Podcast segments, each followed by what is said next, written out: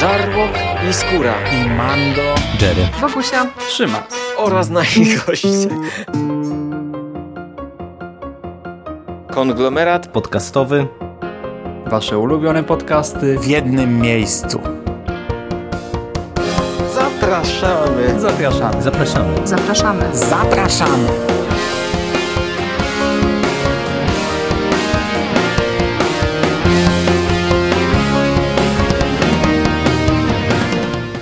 Witam Was, kochani, bardzo serdecznie w kolejnym odcinku konglomeratu podcastowego. No i w kolejnym odcinku e, cyklu Moje seriale. Odcinku, który inauguruje tak naprawdę dopiero teraz e, sezon 2018-2019. Odcinku trochę spóźnionym, e, przeterminowanym z mojego punktu widzenia, bo starałem się wyrobić przed premierą drugiej części sezonu e, The Walking Dead, bo dzisiaj będę między innymi mówił o pierwszej części sezonu. E, No i w zasadzie wszystko wskazywało na, tym, na, na to, że bez problemu się wyrobię, ale nie wyszło. Ten odcinek, e, nowy odcinek, którego ja nie widziałem. Cały czas będę mówił bez znajomości nowego odcinka. Miał premierę w tym tygodniu, natomiast po sieci hulał już tydzień wcześniej, także to mnie trochę przystopowało, bo już, już tydzień temu, ponad dwa tygodnie temu wiedziałem, że nie wyrobię się z tym podcastem. Od razu powiem jeszcze raz, że zaczynam trochę inaczej podchodzić do e, sezonowości. Kiedyś e, na samym początku, gdy zaczynałem tę serię, miałem w planie omawiać, wiecie, jesień, zimę, e, wiosnę, seriale z mid-sezonu, pierwsze połówki seriali i tak dalej, i tak dalej. No pierwsze połówki nadal omawiam, chociażby dzisiaj będę mówił, ale to jest wyjątkowa sytuacja. Akurat The Walking Dead ma konkretne małe finały. Jeszcze rok temu e, zacząłem omawiać, seria, omawiać seriale od e, jesień, wiecie, 2018, ale szybko stwierdziłem, że to jest bez sensu, że zanim ja nadrobię jesień, to wiele seriali bieżących, które przecież teraz oglądam, e, mi się przeterminuje, ja o nich zapomnę, a, że to w zasadzie nie ma większego sensu. No dzisiaj mamy podobną sytuację, bo będę mówił o serialu The Haunting of Hill House, który ja oglądałem premierowo, czyli kurczę już wiecie, 4-5 miesięcy temu i trochę wyleciał mi z głowy.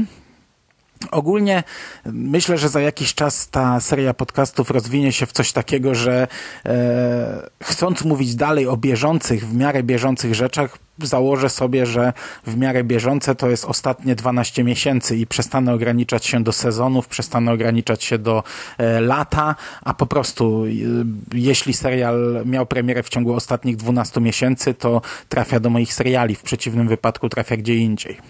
E, dobra, tyle tytułem wstępu. Dzisiaj będę mówił o samych horrorach. W ogóle e, ten i kolejny odcinek e, moich seriali będzie o horrorach, czyli dwa podcasty o gatunku, który bardzo lubię. Dzisiaj będzie o trzech serialach, a dokładniej o jednym serialu, o połówce serialu, znaczy połówce sezonu i o jednym odcinku. A zaczynamy od e, domu na nawiedzonym wzgórzu, o tym, o czym już tutaj dałem zajawkę. The Haunting of Hill House, czyli produkcji od Netflixa, ośmioodcinkowego serialu Mike'a Flanagana, którego ja nie znam w całości, znam we fragmencie, ale to, co do tej pory poznałem, bardzo przypadło mi do gustu i nie inaczej jest w tym przypadku. E, Od razu zaznaczę, że i tutaj wstydliwa, wstydliwe wyznanie, nie czytałem książki z Shirley Jackson, nie znam tej historii w oryginale, nie wiem na ile ten e, serial czerpie gdzieś tam motywów z tej powieści. Z tego, co się orientuję, to e, bardzo niewiele. Jest to bardzo luźnie nawiązująca produkcja do oryginału. No ale w moim przypadku to nie robi problemu, bo, bo tych porównań po prostu nie jestem w stanie wyłapać.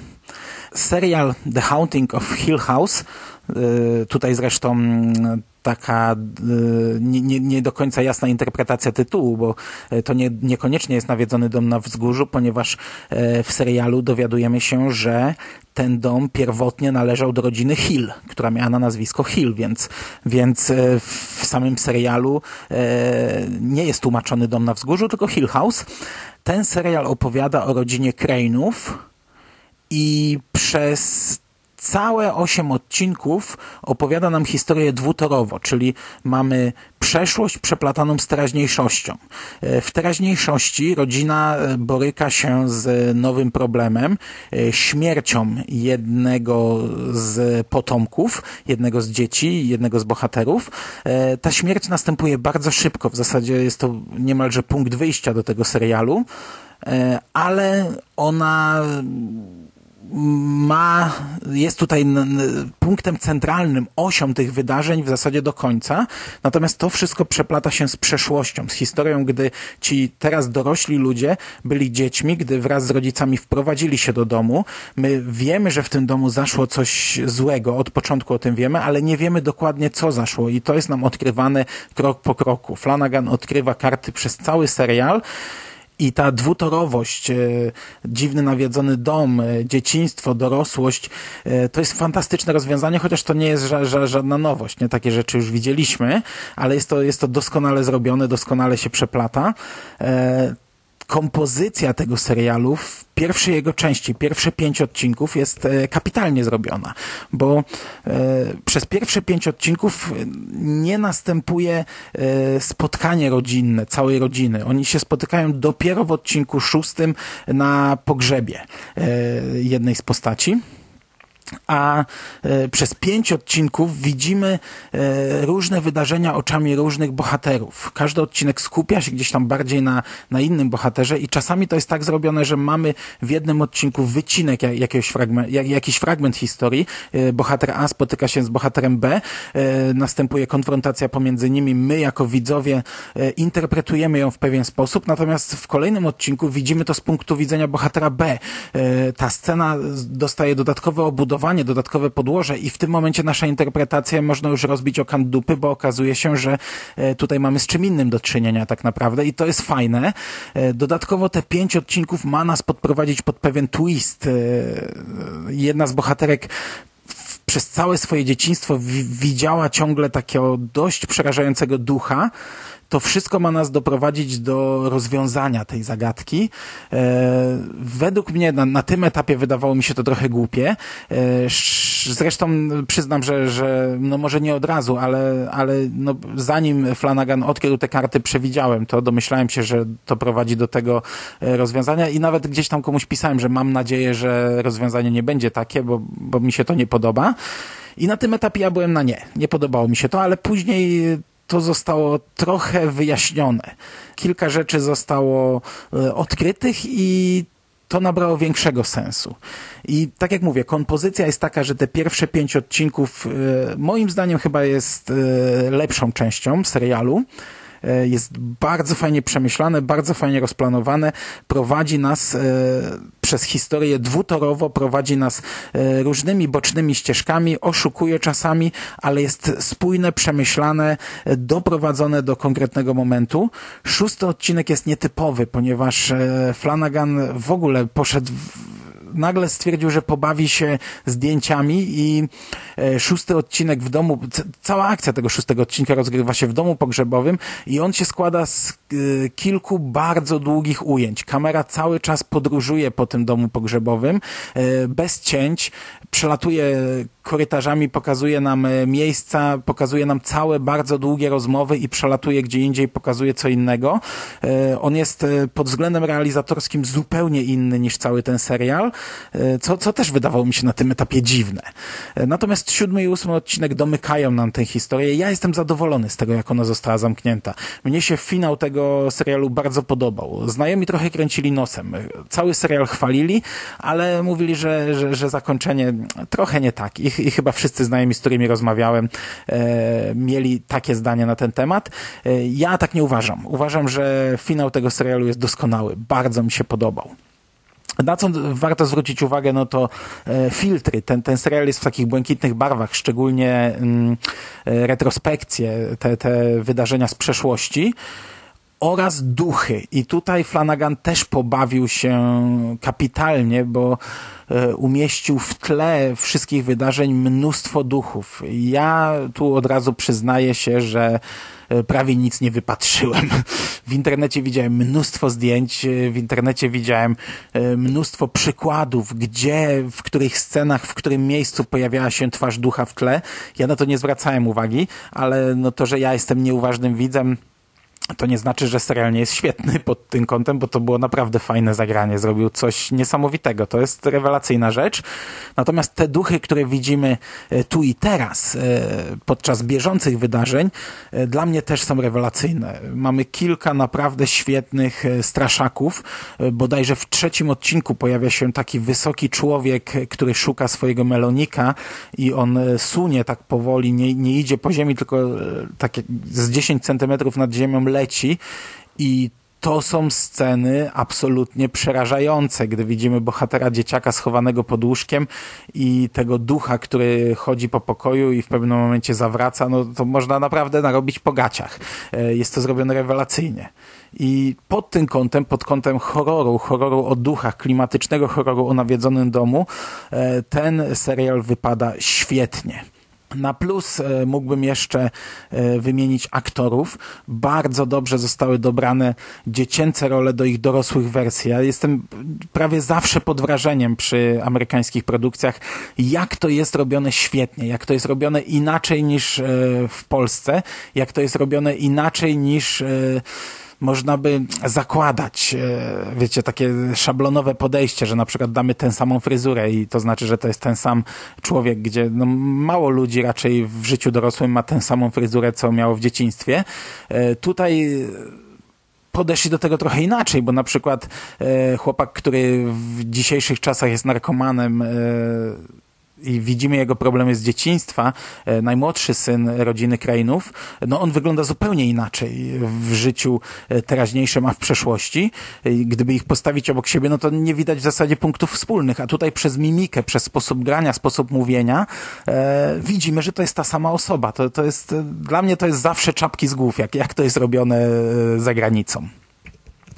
Ja osobiście na plus też daję mm, ojca rodziny, ale to trochę z moje kingowe serduszko tutaj bije, bo jego dorosłą wersję gra Timothy Hutton, czyli e, aktor, który grał e, Teda Beaumonta w e, ekranizacji Mrocznej Połowie, a jego młodszą wersję gra Henry Thomas, czyli aktor, który grał główną rolę w E.T., a w kingowych produkcjach wystąpił w Desperacji i w końcu całego bałaganu w serialu Marzenia i Koszmary. I ja się zastanawiałem e, jesienią, czy nagrać o tym osobny podcast. E, trochę czekałem na Szymasa, bo to przecież jest wielki fanboy Mike'a Flanagana, ale Szymas nawet nie ruszył tego serialu. E, I trochę przez to, że tak zwlekałem, teraz mam mało do powiedzenia na jego temat, bo dużo rzeczy wywiało mi z głowy. Nie robiłem sobie notatek na bieżąco. E, natomiast no myślę, że w ramach serii Moje Seriale to, co powiedziałem, wystarczy. To jest e, fantastyczna, doskonała produkcja według mnie. Oczywiście nie jest to nic szalenie oryginalnego, nie jest to nic przełomowego, to, to, nie, to nie jest coś, co rzuca na kolana gdzieś tam seriale horrorowe, ale to jest e, sprawnie zrobiony, dobry, klimatyczny, bardzo fajny wizualnie, przemyślany, dobrze napisany serial i, i to jest naprawdę jedna z lepszych rzeczy, jaką możecie znaleźć e, w e, tej horrorowej części e, seriali. Okej. Okay.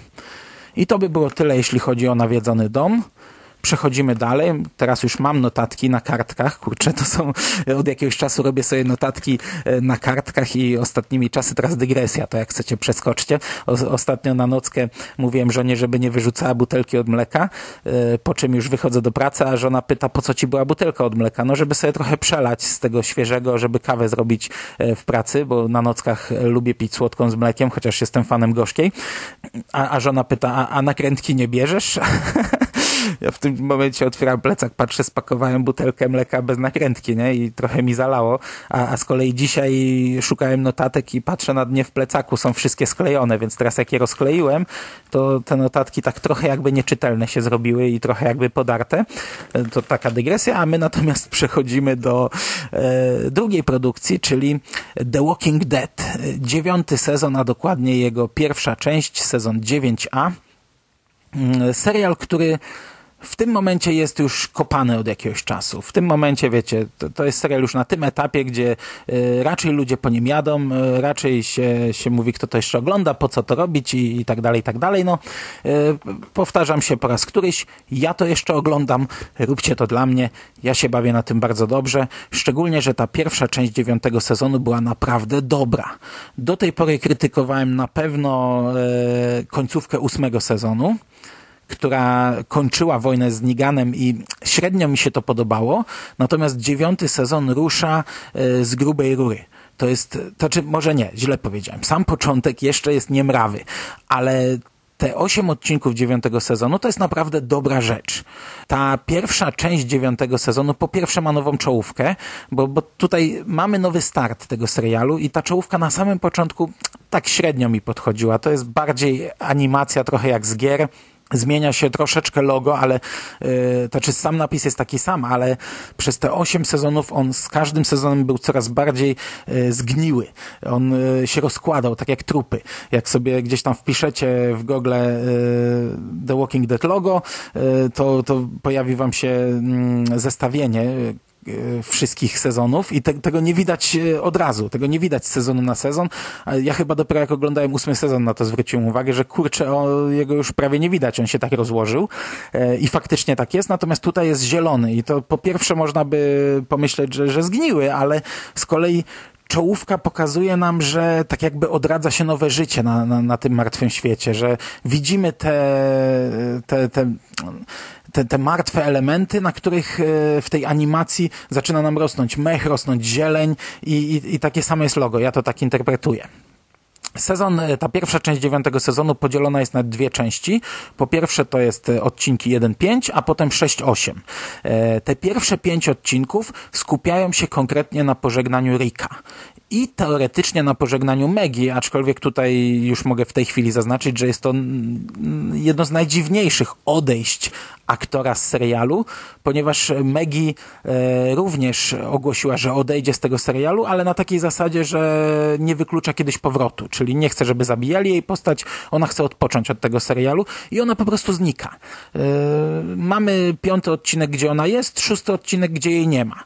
E, fakt, że tam mamy duży przeskok czasowy i, i bohaterowie nawiązują do tego, że ona zniknęła, to nie jest tak, że nagle wszyscy o niej zapomnieli.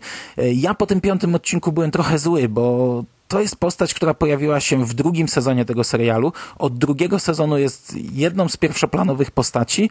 No i kurczę, jedna z pierwszoplanowych postaci e, w taki sposób wyłączona z serialu, tak nie bardzo mi to pasowało, no ale zakładam, że ona wróci i wtedy inaczej na to spojrzymy. Teraz dadzą pewnie jej odetchnąć, e, sprawią, że o niej zapomnimy, a potem będziemy mieli wielki comeback, wielki powrót. E, te pierwsze pięć odcinków skupiają się na e, połączeniu tych wszystkich drużyn, które walczyły ze sobą. To znaczy mamy, wiecie, e, Królestwo, Aleksandrię, Wzgórze i oni wszyscy bratają się teraz ze zbawcami to nie przebiega różowo, to, to nie przebiega idealnie. Tam mamy kłótnie, zbawcy są wykorzystywani raczej jako tania siła robocza, przez co rodzą się dość poważne konflikty. E, Negan jest zamknięty w więzieniu w Aleksandrii i tam sobie siedzi, nie został zabity, teraz sobie żyje. Maggie ma z tym poważny problem, dlatego e, jest skłócona z Rickiem, z e, Michonne i żyje sobie w tym swoim, e, na, na swoim wzgórzu, gdzie tak naprawdę zostaje szefową i, i wprowadza bardzo radykalne zmiany. W, w pierwszym odcinku, bodajże w pierwszym odcinku mamy w końcówce no dość mocną rzecz. Jeszcze chyba czegoś takiego nie było, jeśli chodzi o E, o roszady na, na, na, na, na tych głównych stołkach wśród żywych ludzi. E, mówię, że jest średnio ciekawy start, bo ten początek jest raczej nudny. On się skupia na budowaniu mostu przez rzekę pomiędzy Aleksandrią a chyba królestwem, a, a nie, Aleksandrem królestwem, a wzgórzem. To, to, to jest trochę skomplikowane, za chwilę o tym powiem jeszcze więcej. I teraz wszystkie drużyny budują. Oczywiście zbawcy są y, gorzej traktowani, przez to są źli. Y, Daryl jest nowym dowódcą zbawców, też nie do końca mu to odpowiada. No on tam wcześniej był przetrzymywany jako ten taki najniższego stopnia więzień. I tam również w tym obozie zaczyna przebijać się tęsknota za Niganem. I już od początku zaczynają ginąć e, bohaterowie w jakiś niewytłumaczalny sposób, a okazuje się, że wszyscy bohaterowie, którzy giną, to są zbawcy co budzi jeszcze większe konflikty, no bo oni są e, zaczynają się buntować, że dlaczego tutaj ktoś zabija ich i nie czują się bezpiecznie w tym gronie. To wszystko ma swoje wyjaśnienie, to wszystko ma całkiem fajną puentę. Bardzo mi się podobało to, to jak e, to zostało spuentowane. Natomiast mamy trochę dziwną sytuację e, z nowym aktorem. E, tutaj do głównej obsady wchodzi Zach McGowan. To jest aktor, którego ja najbardziej kojarzę z roli kapitana Charlesa Wayna z serialu Piraci Black Sails. E, no i on, e, on, on wychodzi na takiego mm, jednego ze zbawców, który tutaj ma duży konflikt z Darylem. Kilka razy dochodzi do bujek pomiędzy nimi, do, do dość ostrych sytuacji. Natomiast, e, nie wiem, spoiler, nie spoiler, ten aktor dość szybko wypada z tego serialu. I to tak, jeśli dobrze pamiętam, chyba w końcówce drugiego odcinka, czy, czy maksymalnie do trzeciego dotrwał. E, dziwne, bo, bo wiecie, to dość charakterystyczna twarz, która e, od, od początku, od, od, od pierwszego pojawienia się widzimy, że on jest jakąś kluczową postacią, e, przynajmniej będzie chyba kluczową postacią, natomiast bardzo szybko dowiadujemy się, że nie będzie kluczową postacią. Te pięć odcinków prowadzą nas do pierwszego małego finału. W tym sezonie będziemy mieli trzy małe finały. E, pierwszy mały finał, czyli odejście Rika. Coś, co było zapowiadane e, już rok temu. E, coś z, z, z czego świadomością widzowie zasiadali do tego serialu i no, czy to się udało, czy to zrobiono dobrze. Po części tak. Mamy fajną końcówkę czwartego sezonu. Mi się to podobało, gdy e, nagle e, Rick jadący na koniu zostaje otoczony przez stado e, zombie z każdej strony. Koń płoszy się i zrzuca go. Rick przewraca się i zostaje dość ciężko ranny. I to jest taka fajna klamra z pierwszym odcinkiem tego serialu, gdzie też Rick na koniu wjechał do miasta, też został spłoszony, zrzucony z konia i wtedy wczołgał się pod czy do czołgu, już nie pamiętam, i tak poznał Glena. Potem mamy cały odcinek piąty poświęcony jego ucieczce przed zombiakami. Jest ranny, e, co chwilę traci przytomność. Gdy traci przytomność, spotyka jaką, jakąś postać z przeszłości, e, rozmawia z nią i ta postać go budzi, każe mu się obudzić. On, on się budzi zwykle w ostatniej chwili, gdy jakiś zombiak na niego napada i ucieka dalej. E, cały odcinek jest zrobiony w taki sposób. Podobno te, te gościnne, te, te występy gościnne były dobierane według jakiegoś klucza. Podobno to, to miało jak, jakąś myśl przewodnią. No, ja tej myśli przewodniej nie widzę tam, ale z, wiecie, z drugiej strony myśl przewodnią to zawsze można dopisać sobie i jakieś, jakąś wyższą logikę do tego. Raczej zakładam, że wystąpili ci, którzy mieli akurat wolne i mieli ochotę wystąpić i, i mogli wystąpić. Na przykład nie pojawiają się tak naprawdę kluczowe postaci. Nie pojawia się Karl, nie pojawia się Lori, żona, pierwsza żona Rika Natomiast e, cały odcinek jest według mnie e, bardzo fajnie zrobiony. E, całe to rozwiązanie jest satysfakcjonujące. Mamy szalenie ciekawe nawiązania do Evil Dead, na które ja nie zwróciłem uwagi. Dopiero potem w artykule na Bloody Disgusting opisano to, ponieważ w pewnym momencie Rick trafia do takiej chatki w lesie i w niej również odjeżdża i ta chatka w lesie to jest chatka z Evil Dead, zarówno z zewnątrz, jak i wewnątrz. Fantastyczna rzecz.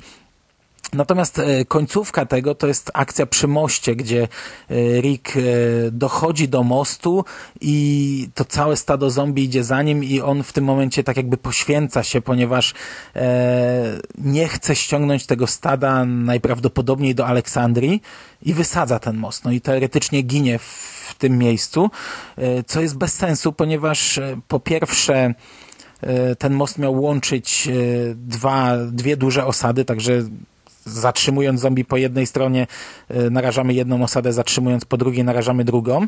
E, po drugie, mm, Megi w tym czasie pojechała do Aleksandrii, chciała rozprawić się z Niganem, chciała go zabić. Tam mamy konfrontację Megi z Niganem ciekawą, pokazującą trochę inną stronę Nigana. Nie wiadomo na ile on tam oszukuje. E, trochę odzierającą go z tego wszystkiego, pokazującą jego słabą stronę. Ciekawa rzecz, zobaczymy jak zostanie rozwinięta, czy w ogóle będzie rozwijana. E, natomiast zmierzam do tego, że Megi pojechała do Aleksandrii i oni wszyscy wtedy ruszyli za Rickiem. Megi, Michonne, e, cała, cała ta banda Daryl i oni wszyscy docierają od tej strony, od której idą zombie, czyli w momencie, gdy Rick wysadza most, to tak naprawdę całe stado zostawia po stronie Aleksandrii, co jest tak trochę bez sensu. Nie wiem, musiałbym naprawdę jeszcze raz prześledzić ten odcinek dokładnie. Jak ktoś ma to w głowie na świeżo i ma to przeanalizowane, to mógłby mi napisać w komentarzu minusem tego odcinka, minus, no nie wiem czy to minus, no ale w moim odczuciu tak. Ja na szczęście oglądałem ten odcinek bez tej wiedzy, że Rick ma jednak przeżyć. Oczywiście w ten dzień pojawiły się newsy, że e, planowane są filmy rozszerzające uniwersum, ale yy, ja w te newsy nie wchodziłem, nie czytałem ich i założyłem, że to będą filmy, których akcja rozgrywa się przed tym wydarzeniem, że, że to będą takie prequele jakby, natomiast y, nie, y, akcja ich ma rozgrywać się po tym wydarzeniu, no i w ten sposób uratowano Rika. Dla mnie to jest o tyle bez sensu, że to jest takie odejście na pół gwizdka, to jest tak naprawdę odejście, nie odejście. Ten, ten ten aktor odpocznie sobie od serialu, w filmach wystąpi lub nie, bo to, że one są planowane, to jeszcze nie jest równoznaczne z tym, że powstaną. E, I jestem, no, no jestem przekonany na 100%, że prędzej czy później on do tego serialu wróci, że będziemy mieli sytuację taką jak z Megi. E, my odpoczniemy od tego bohatera, a jestem, jestem święcie przekonany, że nagle, e, gdy oglądalność spadnie, gdy trochę mu sypną kasy, to pojawi się odcinek, gdzie Rick ma wielki powrót, wow, i wszyscy kopary w dół.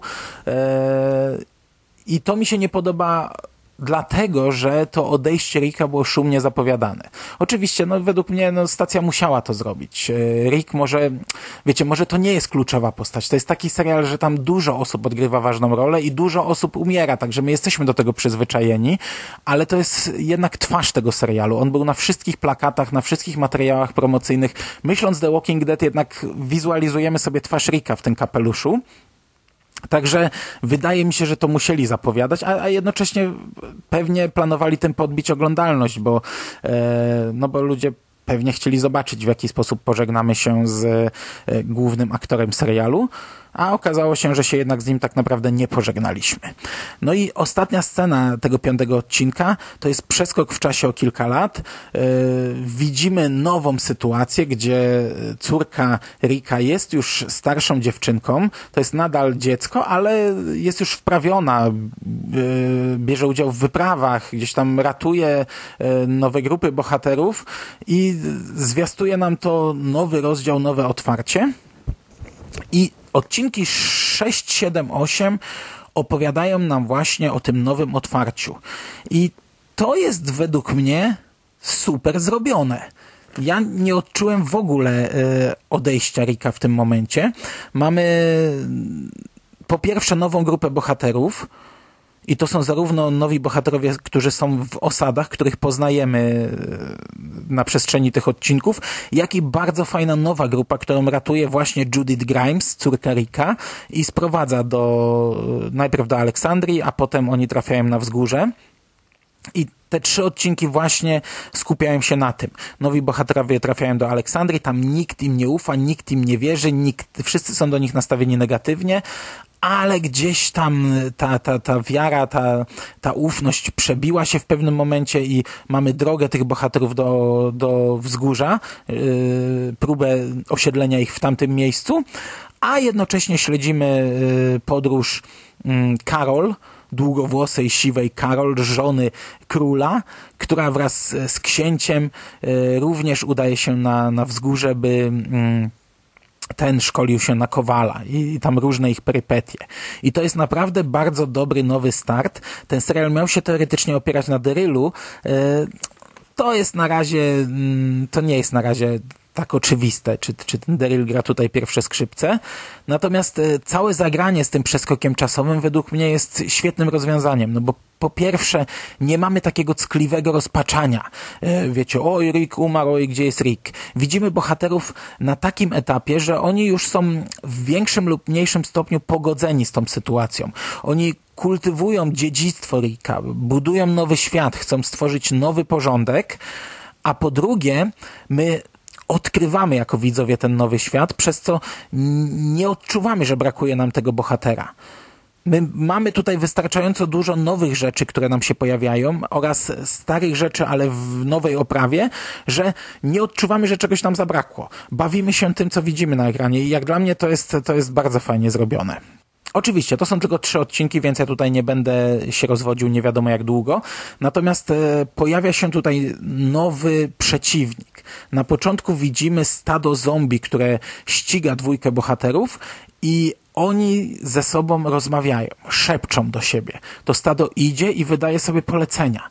E, szeptem, wiecie, mamy te, te dźwięki typowego stada, czyli to, to szuranie, poruszanie się ich, ale w tym wszystkim słyszymy szepty. Oni uciekają, idźcie za nimi, oni gdzieś tu są, znajdziemy ich.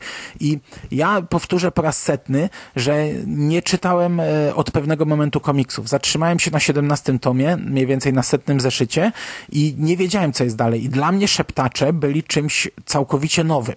E, widziałem już ich zdjęcia, bo te trzy odcinki odcinki nadrabiałem, gdy już ten serial się zakończył, e, ta, ta pierwsza połowa. Wiedziałem, że nazywają się Szeptacze. Była to dla mnie pewna tajemnica.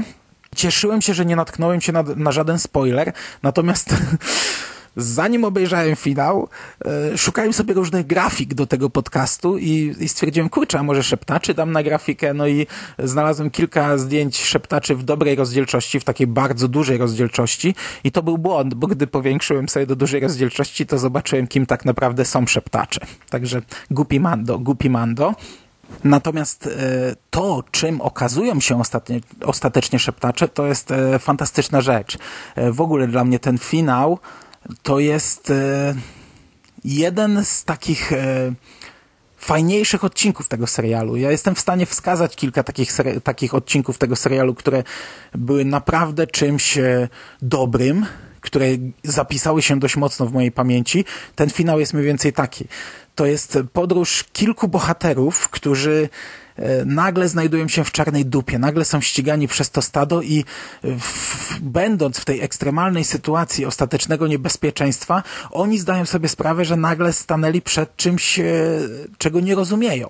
Przed e, jakąś nową, dziwną ewolucją zombie, próbują, e, próbują stosować zagrania, które stosowali przez kilka poprzednich lat i te zagrania nie wychodzą, nie, nie udaje się. Daryl próbuje odciągnąć to stado, wyrzuca gdzieś tam petardy, e, on, to stado na początku zaczyna się kierować w tamtą, w jego stronę, ale nagle słyszymy szepty, które kierują te sta, to stado w stronę innych bohaterów i cała ostatnia scena, tam nie ma zbyt wielu, e, wiecie, brutalnych rzeczy, nie ma zbyt wielu mocnych rzeczy, rozgrywa się na cmentarzu pokrytym mgłą i to jest rewelacyjne. To się ogląda fantastycznie. Widać e, kompletne przerażenie tych bohaterów, kompletne zagubienie. Oni są, w ogóle znaleźli się w jakiejś dziwacznej sytuacji, nie, nie wiedzą jak się z niej wyrwać i widzimy jednego bohatera, który wiecie, no robi coś setny raz, tysięczny raz z tymi zombie, a nagle zombie zaczynają reagować inaczej. To jest jedna scena, która jest y, fantastyczna. To jest coś, coś, y, co oglądasz i wow, nie? kopara opada.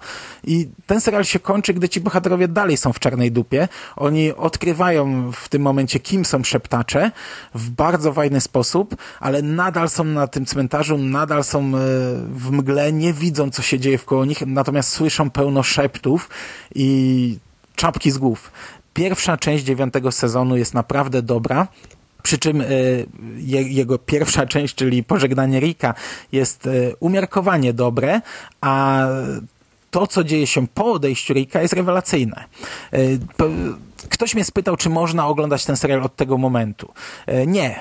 Po pierwsze, to jest bez sensu, bo, bo no, no, pomimo tego, że to jest świetny nowy start, to tutaj cały czas przebija doświadczenie, przeszłość, dziedzictwo bohaterów, to, co oni przeżyli. Tego absolutnie nie ma sensu oglądać w tym momencie, bo, bo to jednak, pomimo tego, że e, fabularnie i klimatycznie to jest nowy start, no to to jednak jest dziewiąty sezon i to, to nie jest tak, że my się odcinamy od tego, co było i, i, i budujemy coś na nowo. Dobra, to by było na tyle. Ja niedługo obejrzę sobie e, odcinek dziewiąty, pierwszy odcinek e, tej drugiej części i niedługo e, powrócę do tego serialu. Natomiast na sam koniec powiedziałem, że mam dla Was jeden epizod serialu i to będzie czwarty odcinek serialu Into the Dark, czyli odcinek pod tytułem New Year, New You. To jest e, epizod, który leciał już w grudniu, e, odcinek noworoczny, teoretycznie styczniowy, ale on poleciał w tele, na platformie już w grudniu. E, to jest serial platformy Hulu, antologia 12 odcinków, z których każdy z nich leci średnio co miesiąc, ale nie znamy tak naprawdę daty premiery kolejnego. Dowiadujemy się, a nie wiemy kiedy poleci następny, dowiadujemy się tego na bieżąco i każdy odcinek opowiada o jakimś święcie. E, ja się zastanawiałem, jak ten serial będę omawiał, bo chciałem go oglądać na bieżąco, oglądam go na bieżąco i chciałem go omawiać w podcastach i nie wiedziałem, czy mam to robić w moich serialach, czy e, gdzieś omawiać osobne, osobne podcasty o każdym odcinku i tak naprawdę robimy to różnie, bo e, pierwszy epizod omówiliśmy w przekaście na Halloween, e, drugi i trzeci epizod ja omówiłem z Szymasem w Nekropolitanie, to były oddzielne podcasty na temat tych odcinków, e, natomiast czwarty mm, ja nie zdążyłem go obejrzeć, a chłopacy mieli już e, go obejrzanego i im napisałem, że w zasadzie to, to, to nie czekajcie na mnie. No, mieliśmy dziś nagrywać, ja nie zdążyłem go obejrzeć, to nagrajcie we dwóch, a ja sobie po prostu o nim opowiem dla odmiany w moich serialach, powiem kilka zdań. I ten, e, ten epizod jest omówiony przez Szymasa i Jerego w Nekropolitanie i pewnie każdy kolejny będzie się pojawiał w Nekropolitanie, aczkolwiek jeśli ja nie wyrobię się na, na omówienie tam, to dany epizod opowiem w moj, o danym epizodzie powiem kilka zdań w moich serialach, także wiecie, to będzie takie urywane. Tutaj teraz mówię o czwartym, a równie dobrze potem mogę opowiedzieć o siódmym. E, tutaj każdy odcinek to jest tak naprawdę film fabularny, półtorej godzinny, oderwany od siebie, to nie jest ze sobą połączone. New Year, New You, tak jak e, tytuł wskazuje, opowiada o Sylwestrze i Nowym Roku. E, I to jest historia wpisująca się w gatunek, nie wiem, home invasion. E, to jest opowieść o przyjaciółkach ze szkoły, czterech przyjaciółkach, które spotykają się teraz po latach, by spędzić razem Sylwestra. Trzy z nich żyją dalej w, razem, jedna odcięła się od nich i jest teraz e, wielką gwiazdą YouTube'a. Ma swój program tam o, o, o potrawach wege i tak dalej, o, o bezbiałkowych, bezglutenowych e, posiłkach i to jest wielka gwiazda, wielkie bożyszcze, nastolatek. Każda dziewczyna chce być taka jak ona. E, I teraz dziewczyny zastanawiają się, czy ona zniży się znów do tego poziomu i spotka się z nimi. Okazuje się, że, że ona się z nimi spotyka. E, cały czas gdzieś tam w tle przebija nam coś, co wydarzyło się kiedyś, że do czegoś doszło złego. Główna bohaterka ma bliznę na twarzy, nie wiemy skąd. E, natomiast no, pierwsze 30 minut tego odcinka jest dość nudne. E, ja pierwszy raz miałem takie odczucie, że, że przegięli, bo, bo, do tej pory cały czas podkreślałem, że mimo wszystko w tym serialu nie czuć tego, że, że te fabuły są tak rozciągnięte. Podkreślałem, że każdą z tych fabuł dałoby się zamknąć w mniejszej objętości, ale oglądało mi się to przyjemnie, nie czułem ani razu znużenia. No tutaj poczułem znużenie. Nie było może ono jakieś duże, chociaż tak naprawdę ja zasnąłem po, po 20 tam chyba 5 minutach i dokończyłem ten serial dzień później. I może dlatego moja ocena nie jest aż tak zła, bo tak naprawdę od 30 minuty ta ostatnia godzina to już jest, to już jest intensywna akcja, tam już się dzieje bardzo dużo i tam już się nie czuje znużenia, ale te pierwsze pół godziny jest rozciągnięte, męczące, tak naprawdę niepotrzebne. To jest rzecz, którą można by streścić w pięciu minutach. Ja jeszcze dopowiem, że ja nie słuchałem jeszcze tego podcastu Jerego i Szymasa, trochę dlatego, że nie chciałem y, się sugerować tym, co mówią. Zakładałem, że w sumie powiem to samo, co oni i, i stwierdziłem, że jak przesłucham ten podcast, to, to może stwierdzę, że bez sensu, po co ja mam to nagrywać, więc nie słuchałem i sobie nagrywam. Bo moje zastrzeżenia do tego se serialu, tego, tego odcinka, no pierwsze już powiedziałem, to jest pierwsza część. Myślę, że ja nie, nie, nie odbieram jej aż tak źle jak, jak Jerry, bo Jerry w naszych rozmowach to po prostu, w naszych prywatnych rozmowach to cholera go brała, e, gdy to oglądał. Ale tak czy siak jest to rzecz, którą trzeba podkreślić. Druga rzecz to twist. E, ten epizod jest zrobiony pod konkretny twist. Gdy wybija dwunasta, nagle dowiadujemy się, że i tutaj trzeba to, to zdradzić, że tak naprawdę dziewczyny planują odegrać się na tej teraz wielkiej gwieździe. E, wiążą ją, przywiązują do krzesła, zaczynają poniżać przed kamerą, proszą, żeby ona się przyznała do czegoś, co zrobiła kiedyś. To jest rzecz mocno nienaturalna, biorąc pod uwagę pierwsze 30 minut. E, ja wiem, że twórcy chcieli nas zaskoczyć, ale to i, I to wyszło, okej, okay, oni nas zaskoczyli, ale zaskoczyli nas dlatego, że to nie ma sensu, bo, bo widzimy wielokrotnie rozmowy tych trzech bohaterek, one rozmawiają o tej czwartej bohaterce, czekają aż ona przyjedzie, nigdy z ich, z ich ust nie pada nic złego, nigdy z ich ust nie pada to, że one coś planują zrobić. I ja rozumiem, okej, okay, ludzie, gdy coś planują złego, to nie muszą o tym cały czas gadać, ale w tego typu filmie jednak, e, no, gdy jesteśmy na, na finale jakiegoś wielkiego planu, to jednak wydaje mi się, że, że o tym by rozmawiać rozmawiali i byłyby tam gdzieś wątpliwości, szczególnie, że potem, gdy dochodzi do tego wydarzenia, jednak nagle przebijają wątpliwości u dwóch z tych bohaterek. Więc myślę, że, że, że chwilę przed y, również y, ta dyskusja powinna paść, no tylko, że wtedy nie byłoby twistu i cały odcinek o kandupy, bo, bo, bo to się na tym opierało to podprowadzenie do niego jest kompletnie bez sensu. No nie ma go tutaj po prostu. Cała akcja po twiście dla mnie jest ok, bo tak jak powiedziałem, tutaj mamy te przebitki na przeszłość i to jest tak dziwnie kręcone. Te przebitki są zielone, takie pomazane. E, teoretycznie to jest brzydkie, ale e, ten cały odcinek wprowadza taką atmosferę mocnego niepokoju. Trochę za to odpowiada ruch kamery. On y, jest, y, nawet, nawet ciężko mi wyjaśnić, co jest z nim nie tak, ale on często nagry, y, kadrowany jest często gdzieś tam za pleców jakiejś bohaterki, tak jakby ktoś z ręki kręcił. I ja przez cały ten odcinek czułem taki mocny niepokój.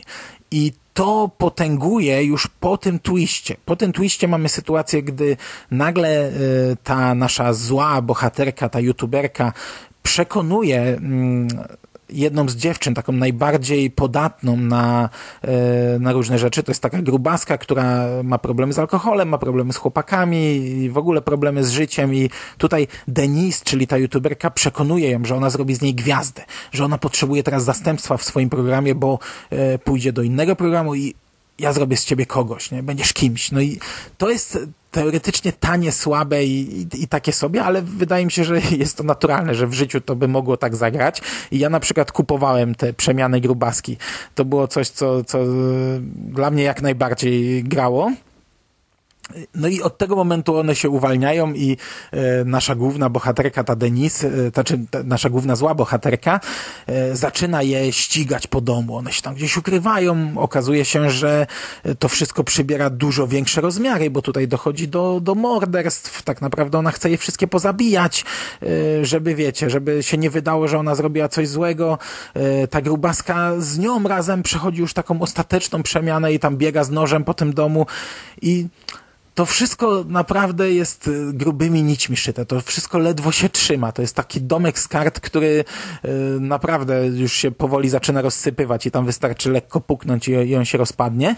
I, I to czuć, że to jest takie trochę głupiutkie, ale ja się bawiłem na tym dobrze skala tego wszystkiego no, jest dość duża w pewnym momencie, ale mi to pasowało. Ja wiem, że zachowanie tych bohaterów w domu jest często absurdalne. Tam, nie wiem, gdzieś y, przychodzi nowa dziewczyna, i, a, a, a ta bohaterka obserwuje całą sytuację, zamiast, nie wiem, w tym momencie zareagować, wyjść, krzyknąć, uciekaj.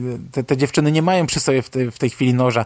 No to wszystko jest, jest bardzo grubymi nićmi szyte ale ten cały niepokój, to wszystko, co, co, co, co obserwujemy y, na ekranie, sprawia mi jako taką przyjemność. Wydaje mi się, że to jest absolutnie jednorazowy odcinek, że, że już za drugim razem y, ja bym się na nim męczył i nudził. Co mnie zaskoczyło, to finał tego odcinka. Ja byłem przekonany, że my jak po sznurku idziemy do konkretnego rozwiązania i naprawdę dałbym sobie głowę uciąć, że e, wiem jak to się skończy, że od, od, od pewnego momentu jestem przekonany, że wiem jak to się skończy, mniej więcej od połowy odcinka. W końcówce wziąłem pod uwagę jeszcze jedną możliwość, ale mm, skończyło się to zupełnie inaczej. Według mnie z jednej strony zabawnie, z drugiej smutno, trochę prawdziwo, chociaż e, to jest tak, te, takie. Mimo wszystko wydaje mi się, że prawdziwe życie w krzywym zwierciadle, trochę napompowane, trochę przesadzone, celowo wyolbrzymione, e, ale kto wie, no może nie, może nie, dlatego mówię, że trochę przerażająco e, i, i to jest na plus. Ja się uśmiechnąłem, a jednocześnie trochę wzdrygnąłem, e, gdy obserwowałem ostatnią scenę. Jak oceniam świąteczność tego odcinka? To, no okej, okay, no to wszystko jest e, sprowadzone do tego momentu, że e, północ ma przynieść przemianę. Północ ma coś zmienić w życiu bohaterek. One chcą zakończyć pewien rozdział swojego życia, rozpocząć nowy. To wszystko ma sens. To, to, to ma ręce i nogi. Tak jak wcześniej podkreślałem, że czasami można było to to szczególnie w drugim odcinku można było to umieścić gdzieś tam w innym przedziale czasowym, ale i tak bardzo fajnie wpasowało się to w święto dziękczynienia. Tak tutaj spoko. E, to jest odcinek noworoczny, to jest coś, co, co pasuje do, te, do tego, mm, do tej nocy. Jeśli naprawdę się nudzicie i macie życie tak smutne jak na przykład nie macie kolegów i nie macie z kim wypić w Sylwestra, to możecie sobie e, w dowolnym roku ten odcinek puścić, aczkolwiek nie wiem, czy dotrwacie do północy, bo, bo e, ten odcinek no, charakteryzuje ta, ta senność, ten, ten taki dziwny klimat, y, przeplatany z dziwnymi zwidami, z dziwną pracą kamery, z niektórymi niepotrzebnymi zupełnie scenami w pierwszej połowie odcinka. No ale jakby ktoś obliczył, może mogę to zrobić, jak, jak bardzo chcecie, o której godzinie trzeba włączyć, żeby zgrać się z północą na ekranie, a z północą y, w y, w prawdziwym świecie, no to pewnie jakaś fajna atrakcja na, na bardzo nudnego Sylwestra. Okej. Okay. Ja odsyłam do Necropolitana, tam na pewno chłopaki dużo lepiej z, omówili ten odcinek, zanalizowali, wypunktowali, co jest w nim złego, co dobrego, a ja się dzisiaj z wami żegnam. Usłyszymy się, mam nadzieję, już niedługo. Ja już mam obejrzane seriale do kolejnego odcinka. Trzymajcie się ciepło. Do usłyszenia. Cześć!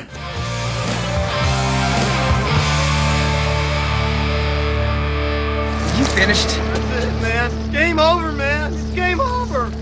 What the fuck are we gonna do now? What are we gonna do? It's over. Nothing is over. Nothing. You just don't turn it off.